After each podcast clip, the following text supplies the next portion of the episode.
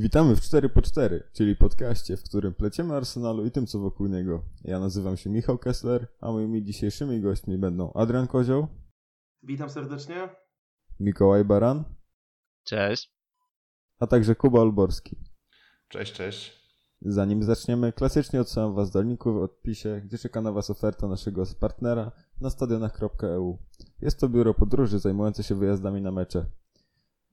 Y, lecimy z kolejnym podcastem. Tym razem y, w sumie niewiele się zmieniło.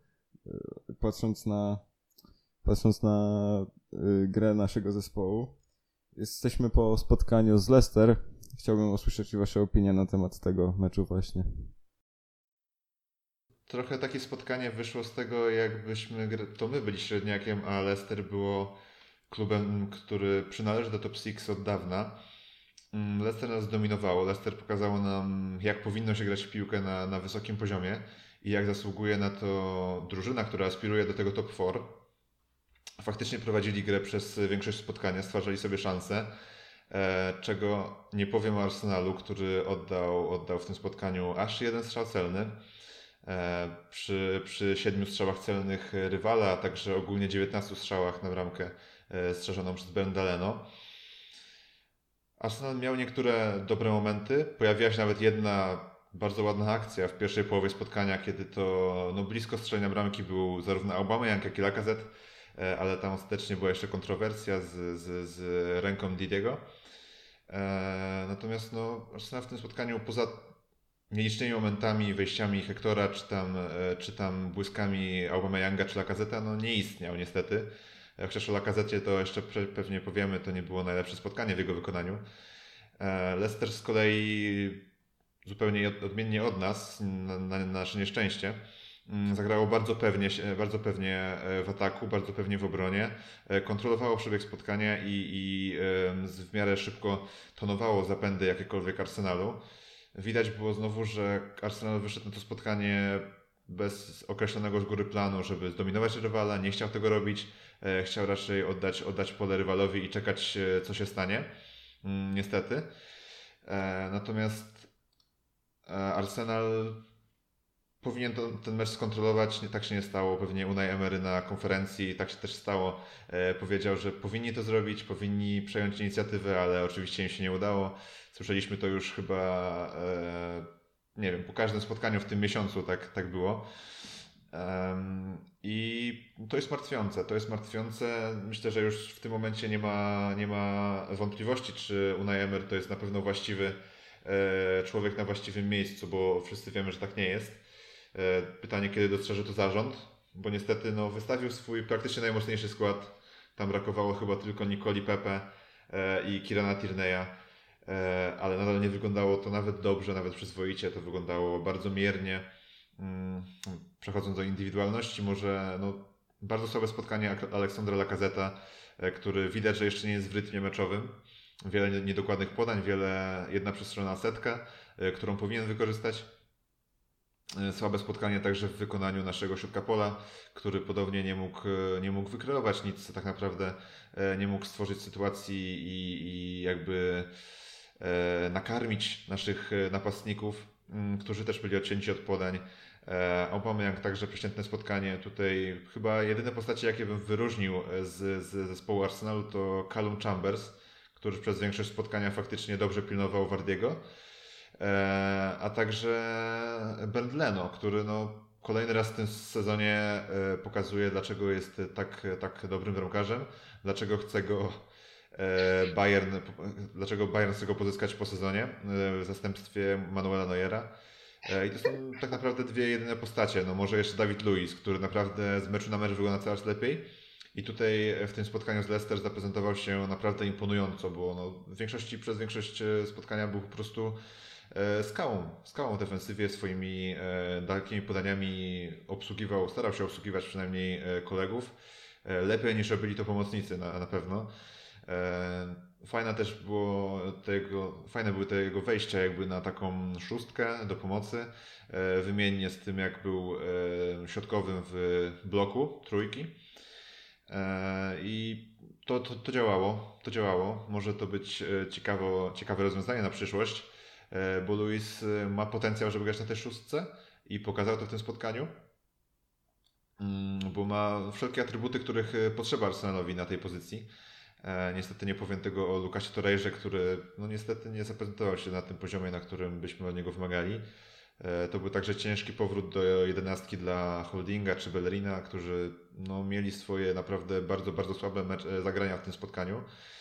E, które mogły, na szczęście się nie skończyły e, golami dla Leicester, chociaż to i tak w ostatecznym rozrachunku okazało się bez, bez znaczenia, bo i tak przegraliśmy oczywiście. E, widać, że przez nimi jeszcze trochę pracy do, przed powrotem do tej optymalnej dyspozycji, którą nas raczyli w tamtym sezonie i za którą tak, tak tęskniliśmy, tak wyidealizowaliśmy ich, ich postacie. Ciężko określić teraz, jak to będzie wyglądało. Niestety nie ma zbyt dobrych perspektyw przed przerwą reprezentacyjną. Cieszę się osobiście, że, że ona nastąpiła, bo oglądanie Arsenalu co tydzień było już trochę bolesne. E, mam nadzieję, że przerwa ta przyniesie coś, cokolwiek, jakąkolwiek odmianę, chociaż wątpię, że będzie stanie się to pod, pod tym trenerem, mm, bo na zwolnienie Unaja się nie zapowiada niestety. E, no i co, no, czekamy. Czekamy na rozwój sytuacji. Dzisiaj wydano oświadczenie popierające Unaja, ale, ale wiadomo, że to, to nic nie znaczy, bo równie dobrze może zostać zwolniony w niedługim czasie. Tak już przecież się zdarzało. Dokładnie, tak jak powiedział tutaj Kuba, kto kiedyś nawijał ona, to nic nie znaczy, to o niczym nie świadczy. Yy, dokładnie, to, że my tutaj jako fani Arsenalu yy, nie możemy się doczekać przerwy reprezentacyjnej, która Y, rzadko kiedy obfituje jakieś ekscytujące mecze, no to tylko świadczy o tym, w jaki marazm wpadł Arsenal, w jaki marazm wpadł ten klub jak to teraz wygląda. Cóż, dla nas to jest taki troszeczkę dzień świstaka, czyli budzimy się i za każdym razem jest tak samo, z tym, że to już jest ta końcowa faza tego, tego filmu, gdzie już ten Bill Murray był już zmęczony tym i po prostu nie chciał, żeby ten dzień się powtarzał. My też nie chcemy, żeby takie dni jak jak ten, w którym po raz kolejny nie byliśmy w stanie e, wygrać meczu, e, żeby, żeby się powtarzał. No cóż, powtarza się, ale no, no, tą nadzieją dla nas właśnie jest ta przerwa reprezentacyjna, że po niej cokolwiek uda się, e, uda się ugrać. Co do samego meczu. Leicester zagrało tak z Arsenalem, jak Arsenal zagrałby z nimi jeszcze 2-3 lata temu. Czyli po prostu wyszli jak po swoje, pokazując od początku w zasadzie, kto tu jest lepszy, kto lepiej gra w piłkę, kto chce wygrać to spotkanie. Gol na 1 do 0 absolutnie to potwierdził e, nasza defensywa rozklepana. No, patrzyło się na to, y, powiem tak, no, przyjemnie z perspektywy fana futbolu, ale no, zdecydowanie nieprzyjemnie z perspektywy fana, e, fana kanonierów. Mm, drugi gol, no to już wiadomo, geniusz Jamesa, Jamesa Madisona. No, co mogę powiedzieć tak y, o personaliach? No to już Kuba powiedział, że Aleksander Lacazette znów słaby mecz, y, Pierre-Emerick Aubameyang wcale nie lepiej, y, Mesut Özil całkiem nieźle, więc pozostaje zadać pytanie, dlaczego dopiero teraz zaczyna być Niemiec w wyjściowym składzie kanonierów, dlaczego tak się dzieje? Środek pola znów cierpi na nieumiejętność gry w piłkę, nieumiejętność rozgrywania, brak kreatywności i ogólnie gówno. I środek obrony, no cóż, Dawid Luiz potwierdza się ta maksyma jeszcze z czasów, kiedy Brazylijczyk grał w Chelsea, że kiedy, kiedy gra w, mm, w czwórce, jakby kiedy, gra, kiedy zespół, w którym yy, gra jest, gra czwórką obrońców, no to on tak nie do końca się, się pewnie czuje jako ten ostatni, a kiedy jest E, trzech stoperów i jeszcze dwóch wahadłowych, czyli on czuje, że ktoś tam jeszcze go ubezpiecza, to wtedy sam też indywidualnie gra, gra dużo lepiej. I to spotkanie, i to spotkanie to potwierdziło, to daje na pewno do, do myślenia e, Unajowi Emrymu i nam wszystkim jako, jako fanom e, Arsenalu. Natomiast pokazuje też, że Unai Emery kompletnie się pogubił, ponieważ to jest kolejny mecz, kiedy Hiszpan wystawia ustawia zupełnie inaczej drużynę, kiedy wystawia inny skład personalny, inne ustawienie taktyczne, inaczej nastawia drużynę i nie tylko on się w tym wszystkim gubi, ale zaczynają się gubić też zawodnicy i to po prostu widać na boisku. I to było widać też w tym spotkaniu, gdzie właśnie wyglądaliśmy tak, jakby nie było konkretnego e, planu taktycznego na to spotkanie jakiegoś określonego, tylko takie coś bardziej w stylu no, no może na zero z tyłu, a z przodu coś wpadnie. Yy, cóż, yy, wyszło odwrotnie. I to jest coś, co na pewno nas, nas martwi, ale nie powiem, żeby mnie ten wynik zaskakiwał, bo wiedziałem, na co, yy, na co się yy, pisze. Oglądając ten mecz, wiedziałem, że, yy, że kanonierze tego spotkania nie wygrają. Co więcej, że najprawdopodobniej wygrają Jelisy. No i cóż, to jest yy, drugie starcie Unai Emery'ego z Brendanem Rodgersem w Premier League i druga porażka y, Hiszpana. Tutaj też y, pewien wniosek nasuwa się sam, ale na głos y, nie będę go mówił. To tyle ode mnie. Wypowiedzieliście się już na wiele tematów i w sumie wyczerpaliście je w większości, aczkolwiek powiem Wam szczerze, że wielu z nich mam całkiem inną optykę na, na te tematy, ponieważ zaczynając od od składu, od tego jak to wyglądało na papierze. Mówiliście, że nie mieliśmy pomysłu na ten mecz, że, że Emery się pogubił. Według mnie y, pogubił się on już dużo wcześniej. Teraz po prostu y, brzytwa, y, tonący brzytwy się chwyta i szuka po prostu czegokolwiek, co mogłoby zmienić oblicze i przede wszystkim zmienić rezultaty osiągane przez jego drużynę. I to, co zobaczyliśmy na papierze przed, przed meczem, bardzo mi się podobało ten powrót do trójki z tyłu przy takich y, stoperach, jakimi dysponujemy, czyli grających całkiem nieźle w piłkę holdingu, Luizie, Chambersie, to naprawdę mogło się powieść. Y, tak jak mówiliście o tym y, wchodzeniu w drugą linię, czy to holdinga, czy to Luiza, zwłaszcza tego drugiego Brazylijczyka. Mówiliście, że fajnie to wyglądało. Ok, aczkolwiek y, wiele razy wydawało mi się to skrajnie nieodpowiedzialne. Zwłaszcza Holding, który nagle uwierzył w swoje boskie umiejętności driblingu i wchodził między trzech presujących go rywali, to moim zdaniem musiało skończyć się stratą i zawsze praktycznie kończyło się stratą, co było bardzo, bardzo niebezpieczne, bardzo nieodpowiedzialne. Y, co do, szybko jeszcze nawiążę do, do tych pomysłów Unai Emery'ego na ten mecz. Bardzo fajnie wyglądała współpraca w defensywie pomiędzy Obameyangiem, Lakazetem i Ozilem. Y, dwaj nasi nominalni napastnicy schodzili do boku i tam pracowali w obronie, a Mesut Özil y, wychodził jako ten wysunięty napastnik i presował obrońcę. Y, to odciążyło go od zadań defensywnych i to na pewno jest trafiony pomysł Unai Emery'ego, który ewidentnie przeprosił się z Niemcem i teraz yy, prawdopodobnie będzie polegał na, na jego kreatywności. Fakt faktem, że brakuje nam jeszcze sporo yy, zgrania, brakuje nam tej, tej umiejętności dochodzenia do sytuacji, ale jeżeli będziemy trzymać się tego konkretnego planu, który widzieliśmy w tym meczu z Leicester, to wydaje mi się, że to może przynieść fajne efekty.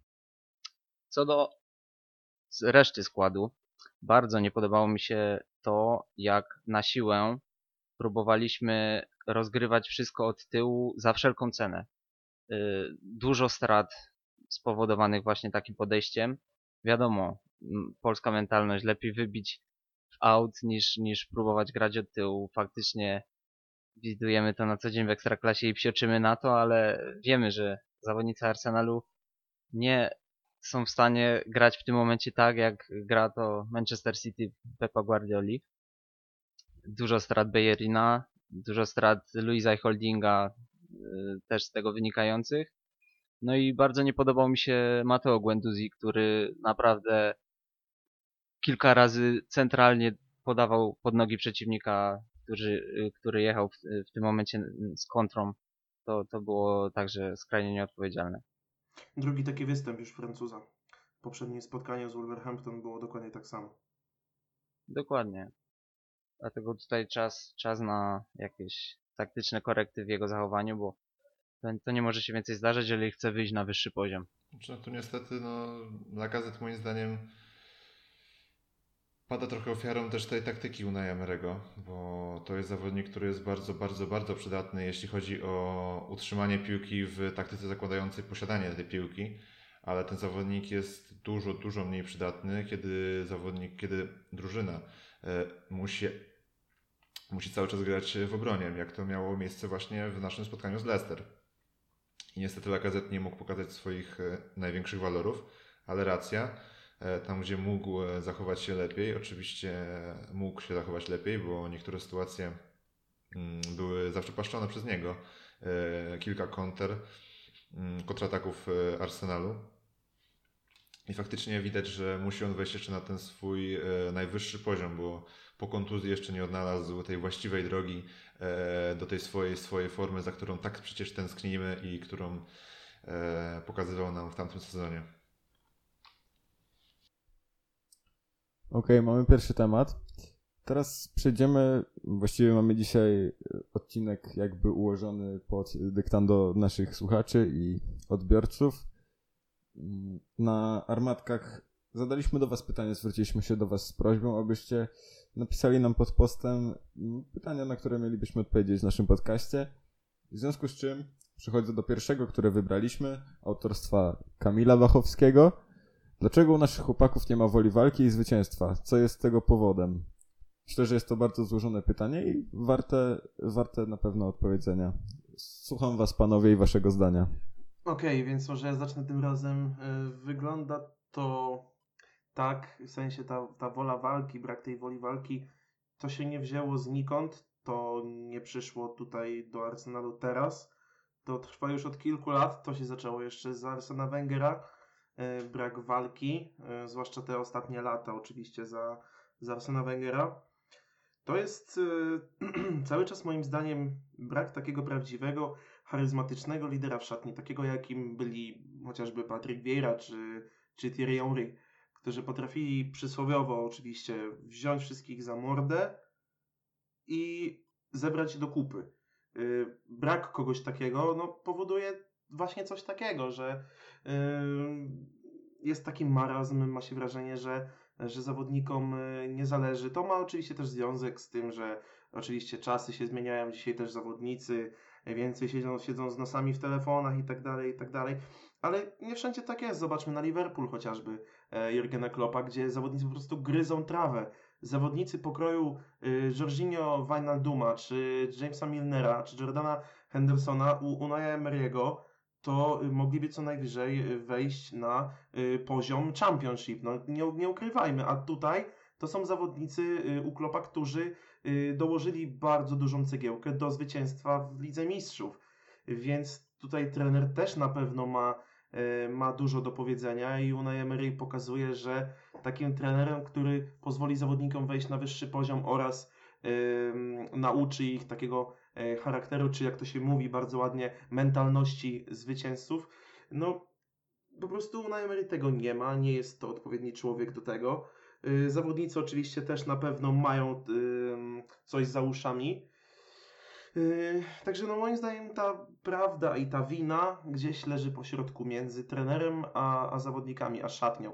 A tym, że szatnia nie ma prawdziwego lidera, takiego mm, ukształtowanego spośród samych zawodników. I, tu jest moim zdaniem gdzieś ten y, przysłowiowy pies pogrzebany.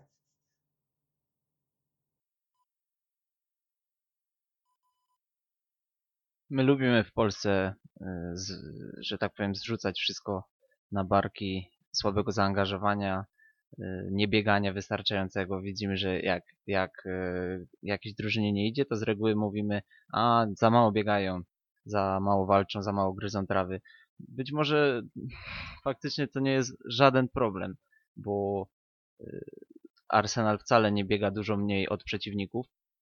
Czasami biega nawet więcej, zwłaszcza w meczach ostatnich, kiedy to posiada mniej piłki, mm, biega znacznie więcej od rywali i to nie przekłada się w żaden sposób na wyniki. Czy, czy to faktycznie można nazwać brakiem zaangażowania? No nie wiem, wydaje mi się, że główną kwestią jest to, czy ci zawodnicy chcą są w stanie dać się pokroić za tego trenera, ewidentnie tego brakuje. Nie chcą, nie mają y, takiej potrzeby walczenia za wszelką cenę o głowę tego trenera, bo ewidentnie jest spory zgrzyt w szatni. No i pytanie brzmi, czy to wynika y, z mentalności zawodników, czy raczej problemem jest tu sam Unai Emery. Moim zdaniem tu generalnie, e, tak jak e, Adrian już powiedział, to wina jest e, rozłożona na dwa obozy, bo jedna sprawa to sama mentalność zawodników. Niestety, jeśli oni by faktycznie chcieli walczyć, chcieliby, mieliby taką mentalność, że po prostu muszą wygrać, absolutnie muszą wygrać, widzę takich osób niestety mało w zespole Arsenalu. Tutaj bym wskazał chyba, chyba tylko na Mateo Genduziego, który faktycznie przez praktycznie cały mecz ma taką wolę, żeby wygrać to spotkanie, ma taką chęć, żeby zdobyć te trzy punkty, zainkasować je i może biegać do upadłego za tą piłką, aż w końcu ją odzyska. E, To jest taki jeden zawodnik, u którego zauważam podobne cechy. Niestety większej ilości i nie jestem w stanie zauważyć. I tutaj właśnie, tak jak Adrian powiedział, to musi działać jak w Liverpoolu. To musi być cała drużyna. To nie może być jeden zawodnik, który zakłada pressing, bo ten jeden zawodnik, jeśli on założy pressing i zobaczy, że koledzy do niego nie dołączają, to zauważy, że to nie jest efektywne i dopasuje się do kolegów. Tak najczęściej bywa. Znacznie też tak jest, że zawodnik się wtedy frustruje. E, Macha rękoma, no często to widzieliśmy, nie wiem, e, za czasów Wengera tak było z Oxlade Chamberlainem, z Sanchezem, e, teraz jest tak z Genduzim i niestety tak to wygląda, że jeśli nie ma kolektywu, jeśli kolektyw nie, nie naciska na rywala, to niestety nic z tego nie będzie. Tak jak była taka wycięta sytuacja z, ze spotkania z Wolves, przepraszam, z Crystal Palace, po której był podyktowany rzut karny dla, dla Orłów, kiedy właśnie Lacazette z Aubameyangiem zostawili taką jakby ścieżkę Miliwojewiciowi, który mógł bez problemu zagrać piłkę krosową przez całe boisko, która trafiła później do Zachy, a później wiemy oczywiście co się stało. I tam nie było żadnego naciśnięcia. Nikt tam nie próbował nawet y, wywrzeć jakiejkolwiek presji, żeby zwiększyć ewentualność na e, podanie w out, czy, e, czy niedokładne podanie e, do Milivojevicia. E, Niestety no, to jest głównym problemem dla mnie, e, ten pressing, brak pressingu, bo niestety wolę walki określamy jako taką właśnie chęć, chęć biegania za, boisk, za, za piłką, e, chęć wywierania naciskania na rywala, czego w Arsenalu nie ma. Niestety z Leicester było to samo, bo pozwalaliśmy Leicester na grę w piłkę, e, nie naciskając ich zbytnio i nie zmuszając ich do jakby wywarcia jakiejkolwiek presji e, w tym rozgrywaniu, gdzie oni by się gubili. To, jest, to by było dla mnie e, dużo lepsze niż to, co robiliśmy. E, Tu także wina na Unaju Emerym, bo z tego co czytałem, to także nie, nie są żadne realizowane ćwiczenia w tym celu, aby ten pressing e, był faktycznie w zespole. A niestety bez pressingu nie obywa się, nie można, nie można jakby e, liczyć na sukcesywne granie w Premier League. E, I no, musimy liczyć, że zostanie to jak najszybciej zrozumiane przez e, nasz zespół, przez naszego trenera. E, Może trenera jeszcze Unai Emerego, może kogoś innego. Bo no, ten pressing jest tutaj konieczny. Konieczny, żeby cokolwiek zdziałać. A ten sam, sama wola walki, dlaczego tego pressingu nie ma, to zarówno, jak powiedziałem już, wina trochę Unai Emerego, zawodników, Także myślę tego trochę, że zawodnicy już powoli zaczynają wątpić w metody Unai Emerego i może już nawet zaczynają grać na jego zwolnienie. Bo tak przyglądając się spotkaniu chociażby z Vitorią Guimaraes i no ja nie wierzę, absolutnie nie wierzę, że nasi zawodnicy w jakiejkolwiek formie byliby w stanie do zaprezentowania czegoś takiego, co, czego byliśmy świadkami w Portugalii, no bo to był występ no, no haniebny, haniebny dla takiego klubu, jakim jest Arsenal e, i nie powinien się wydarzyć. E, I myślę, że to jest głównie wina w tamtym spotkaniu, wina zawodników, którzy po prostu nie mieli ochoty e, walczyć za swojego menadżera. Okej, ale musimy zrozumieć jeszcze jedną rzecz. Mówicie zaangażowanie, że pressing wynika z braku zaangażowania. Ja tutaj się absolutnie nie mogę zgodzić. Kopię trochę w piłkę, oczywiście amatorsko, aczkolwiek wystarczy mi to do powiedzenia tego, że pressing to przede wszystkim bardzo złożone zadanie taktyczne. I pressing wynika przede wszystkim z pracy na treningach i wiedzy, kiedy, kto, gdzie ma pobiec, a nie od zaangażowania zawodników. Oczywiście to zaangaż- zaangażowanie musi być do tego dołożone, ale pressing musi być kolektywem, tak jak wcześniej wspominałeś, Kuba, a żeby to było osiągnięte, to nie wystarczy samo zaangażowanie. Przede wszystkim ważna jest wiedza, kiedy, gdzie pobiec, żeby tę piłkę wspólnie, wspólnymi siłami odebrać. No tak, ale czasami masz po prostu takie sytuacje na boisku, że po prostu kilku zawodników muszą po prostu się porozumieć szybko, na teraz i doskoczyć do rywala. To jest, no, Nie, to, to nie, nie, jest nie, nie, sam nie, nie. taki kolektywny Oni- wtedy, tylko ta chęć po prostu odebrania tej piłki, a u niej, a niej u nas nie ma po prostu. Oni nie muszą się dogadywać, oni mają to wiedzieć już przed meczem. To, to jest, y, potem się poznaje dobrą drużynę. To Tak, tylko wie, potwierdza, że, że tutaj, że w przypadku pressingu też wina leży zarówno po stronie menedżera, jak i po stronie samych zawodników. Owszem, jak najbardziej. Dobrze, Adrian tutaj wyjaśnił, dlatego myślę, że możemy spokojnie przejść do następnej kwestii. Tym razem y, poruszył ciekawy temat Daniel Janiszewski, który ma lidera wśród fanów na armatkach. Poruszył on y, temat, właściwie to nawet stwierdził fakt, że po odejściu Arona Ramzeja w nasz środek pola nie istnieje. Zgadzacie się z tym? Popieracie Daniela, czy jednak macie odmienne opinie? Powiem tak, ja mogę tutaj, nie wiem, zostać zhejtowany za to, co powiem, ale moim zdaniem yy, tęsknota za Ramzejem, czy takie rozpaczanie po jego stracie, to jest trochę taki syndrom bitej żony, bo kiedy grał w zespole, narzekaliśmy na niego wszyscy, że, że się nie wraca, że jest, y, że jest objeżdżany po prostu jak, y, jak, jak jakiś junior, że w defensywie jest słaby, że traci piłkę lekkomyślnie. I tu się zgodzę, bo tak było. Y, Aaron Ramsey w defensywie był jednym z najgorszych pomocników w Premier League. Oczywiście był magiczny, z przodu tego nie odbierze mu nikt. Z sezonu 13-14 nie odbierze mu nikt magicznych bramek w derbach czy, czy w innych ważnych spotkaniach też nikt mu nie odbierze. Oczywiście, to był mm, bardzo e, dobry i przydatny zawodnik, takie no, dziecko Arsena Wengera można powiedzieć, e, ale moim zdaniem e, płakanie za nim i robienie z jego odejścia jakiejś absolutnej przyczyny tego, że w tym momencie w środku pola Arsenalu jest kupa, jest według mnie przesadzone, bo nie przypominam sobie, żeby przy obecności Arona Ramseya takie mecze jak te z Leicester w ogóle nam się nie przydarzały. No właśnie przydarzały się i zdarzały się mecze, kiedy, kiedy sam Ramsey też grał słabo, kiedy był bez formy, kiedy e, jego wejścia nie dawały absolutnie nic, e, kiedy sam Arsene Wenger uznawał, że większy pożytek z niego będzie na skrzydle. E, więc no nie wydaje mi się, żeby akurat to, żeby akurat to jego odejście było przyczyną tego, że obecnie w środku pola nic nie potrafimy, bo w środku pola mamy naprawdę dobrych zawodników. To nie jest tak, że odszedł y, Aaron Ramsey, król środka pola i teraz zostali sami tacy jakieś, jacyś juniorzy, albo nie wiem, albo zawodnicy na poziomie championship, którzy nie potrafią grać w piłkę i biegają jak dzieci we mgle. Nie, absolutnie tak nie jest. Nie zgadzam się z tym, że odejście y, Ramseya y, spowodowało, że, że, że wyglądamy źle w środku pola. Oczywiście odejście Ramseya jest osłabieniem, tutaj jakby z tym nie polemizuję w żadnym wypadku, aczkolwiek uważam, że tęsknota za nim i, i płakanie za nim, widzę, przyzwyczajnie mam takiego mema, że y, ktoś leży na, na łóżku, na poduszce i tak z, z łezką wokół przecierał sobie zdjęcie Ramseya. No nie, nie, absolutnie ja tak nie robię.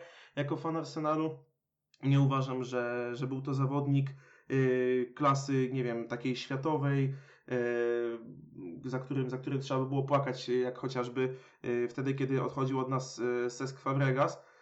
Moim zdaniem Aaron Ramsey do Seska Fabregasa w swoim prime nie ma absolutnie żadnego podjazdu. I no nie wiem, no mogę zostać schejtowany po tej opinii, ale no po prostu pamiętam sezony, kiedy, kiedy Ramsey w Arsenalu grał i nie wydaje mi się, żeby jego odejście było przyczyną tego, że w tym momencie nie umiemy grać w piłkę.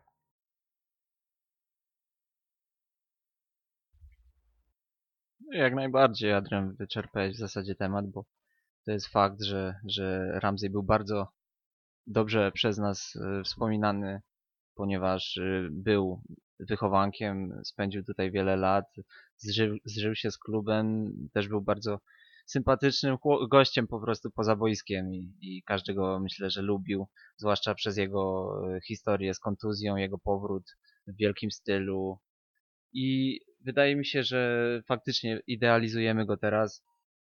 Aczkolwiek y, fakt faktem, że nie, nie został on w żaden sposób zastąpiony. Próba zastąpienia Sebajosem ewidentnie na ten moment nie wypaliła.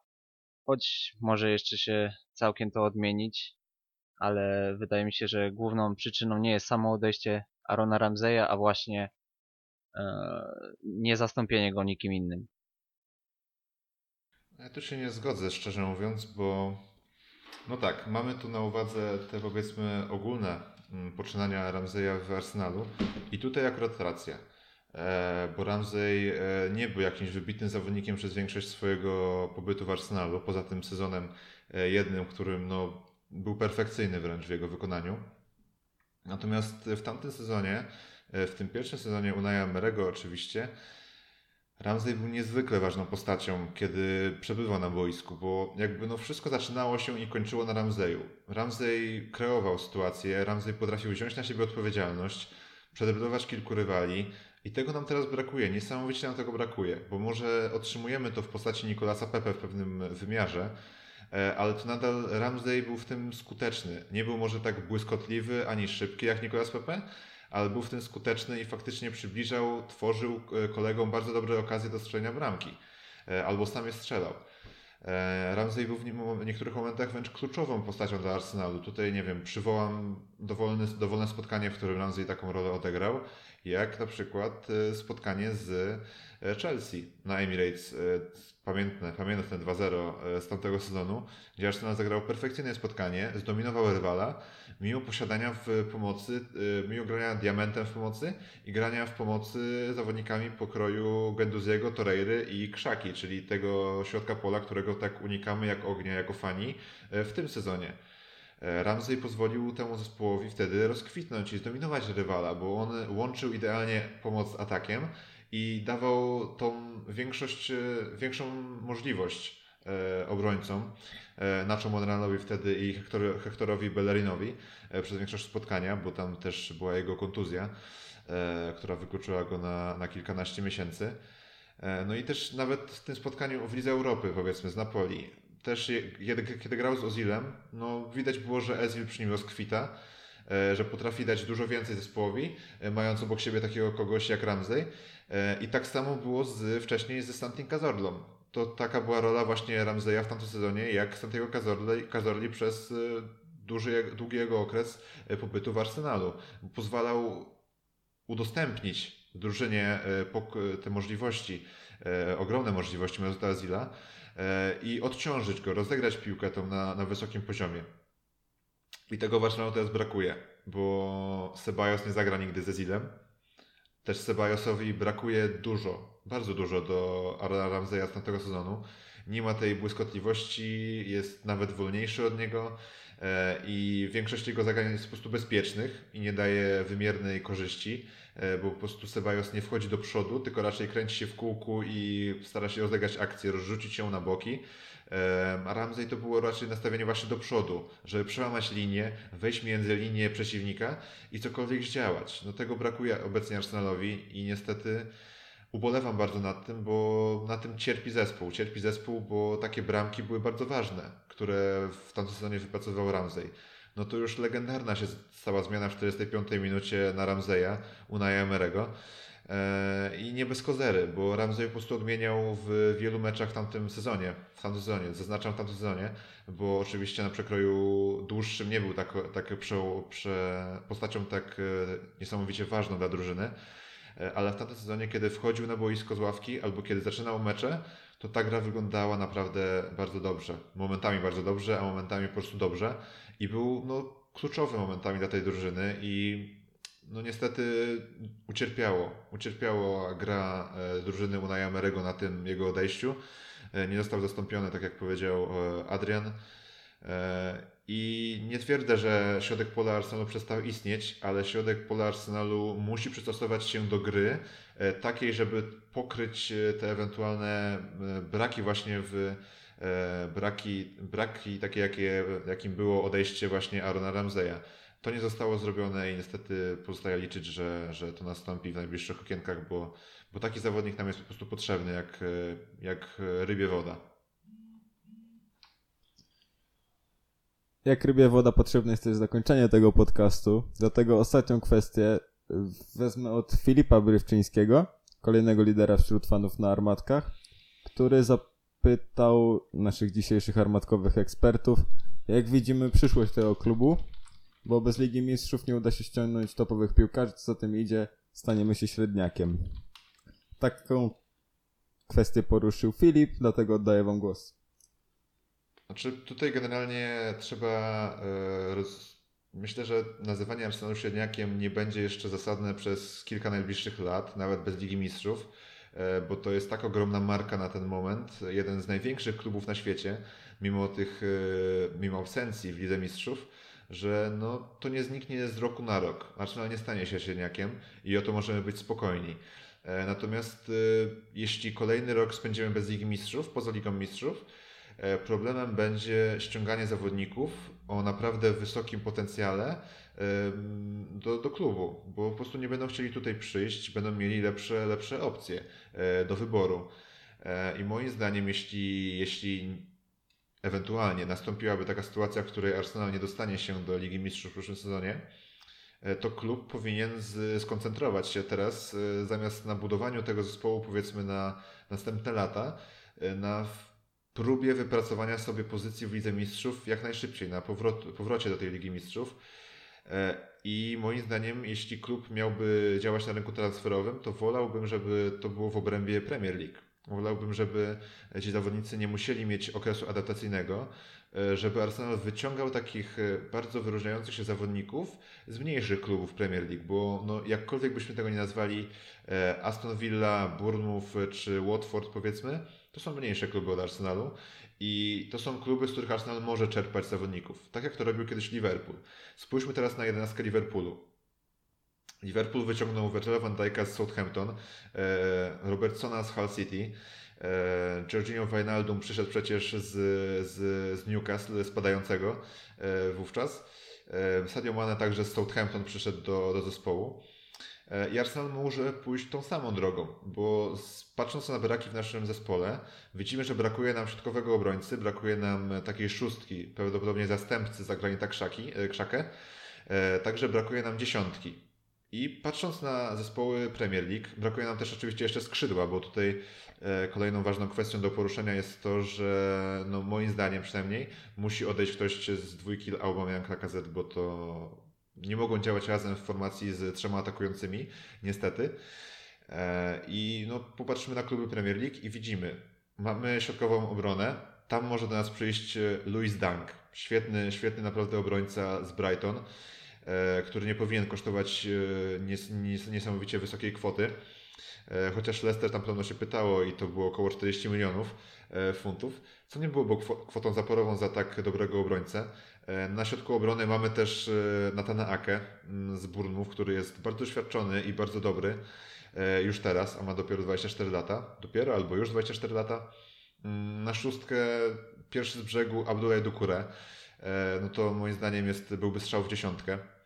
Mm, Dziesiątka to może być McGinn z Aston Villa albo jego partner z Aston Villa Jack Grealish, e, no, którzy no, byli, byli perfekcyjnymi, perfekcyjnymi wzmocnieniami dla Arsenalu moim zdaniem, bo są dokładnie tym, czego potrzebuje Arsenal, czyli takiej właśnie odwagi boiskowej, pójścia do przodu i przełamania pewnych schematów, e, a także Wilf Zaha. Wilf Zaha to jest e, brakujący element naszego ataku moim zdaniem i powinien dołączyć do naszego zespołu w miejsce Lacazette albo Aubameyanga. Mm, Raczej bym się skłaniał ku zastąpieniu Lacazeta przez Zachę. No i widzimy, patrząc na te kluby Premier League, że możemy zbudować bardzo mocny zespół i uzupełnić to, co już mamy na bardzo dobrym poziomie, e, zawodnikami z mniejszych klubów Premier League, którzy się tam wyróżniają i którzy wnieśliby także nas na dużo wyższy poziom niż e, jest to w chwili obecnej.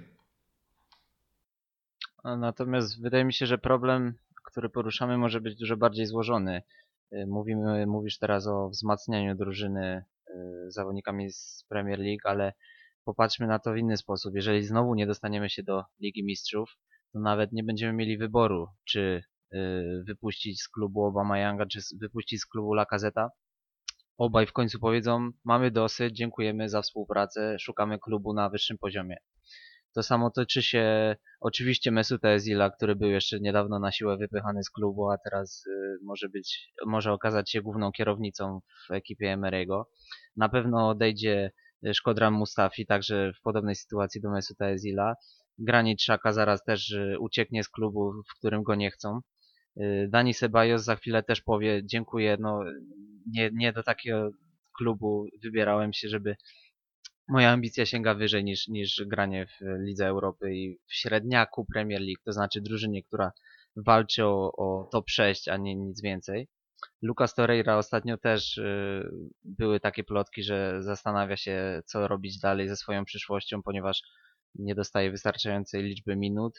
No i wydaje mi się, że większy problem może być w tym, że nie będziemy musieli szukać wzmocnień, ale jakichkolwiek uzupełnień składu, bo zaraz, jeżeli nie będziemy kwalifikować się do Ligi Mistrzów, to wszyscy ci zawodnicy, na których już teraz narzekamy, że nie są najlepsi, podziękują nam i będziemy musieli grać naprawdę y, y, znacznie bardziej przeciętnymi zawodnikami. Yy, Ja tylko powiem tak. Zarządzanie, zarządzanie i jeszcze raz zarządzanie. Oczywiście tutaj yy, chłopaki wspomnieli o wzmocnieniach i, i osłabieniach, ale zobaczmy, że od paru lat, yy, dwóch, trzech sezonów w zasadzie, Arsenal nie robi żadnego kroku naprzód. To jest raczej taka równia pochyła, powoli zjazd w dół nawet bym powiedział. A jest pewien taki klub, gra obecnie w Serie A, który też od paru lat, e, już to już się zaczęło 10, może troszkę mniej lat temu, też miał sukcesywny zjazd w dół. I tak w dół, w dół, w dół, w dół. Ten klub nazywa się AC Milan. I z ciekawości zobaczyłem sobie, jak wyglądał skład Milanu jeszcze 10 lat temu, czyli wcale nie tak dawno. I to byli Dida, Nesta, Thiago Silva, Abate, Antonini, Gattuso, Pirlo, Seydorf, Pato, Ronaldinho, tutaj byli też Gianluca Zambrotta, y, Klaas-Jan Huntelaar, David Beckham, no czyli gwiazdy światowego formatu, gwiazdy światowej piłki. Niektóre już wtedy takie u schyłku kariery, ale jednak. To była wtedy trzecia ekipa Serie A.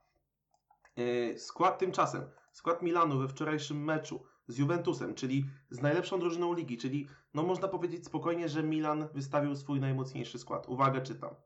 Donnarumma, Matteo Hernandez, Alessio Romagnoli, Leo Duarte, Andrea Conti, Radek Krunic, Ismael Benasser, Lucas Paqueta, Hakan Çalhanoğlu, yy, Suso i Krzysztof Piątek.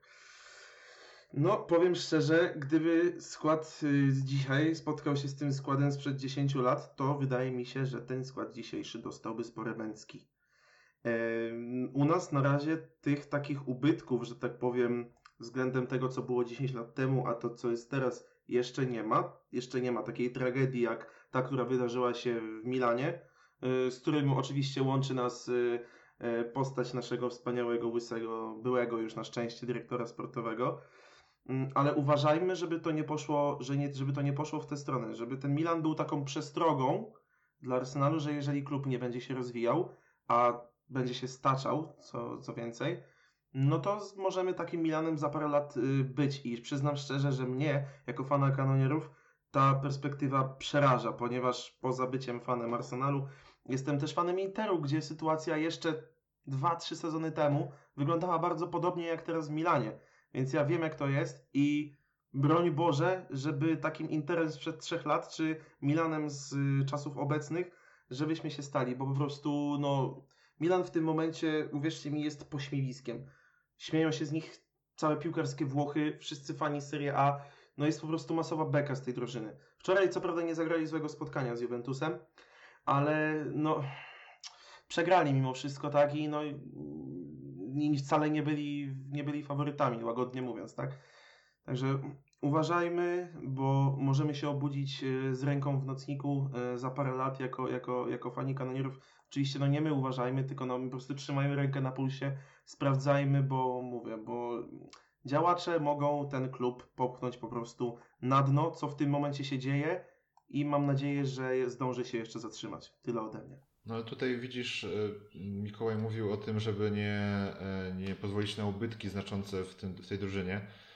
E, No moim zdaniem takie ubytki są po prostu czasami potrzebne. Czasami potrzebne, bo na przykład no, Graniczaka jak odejdzie, wątpię, żebyśmy za nim zatęsknili.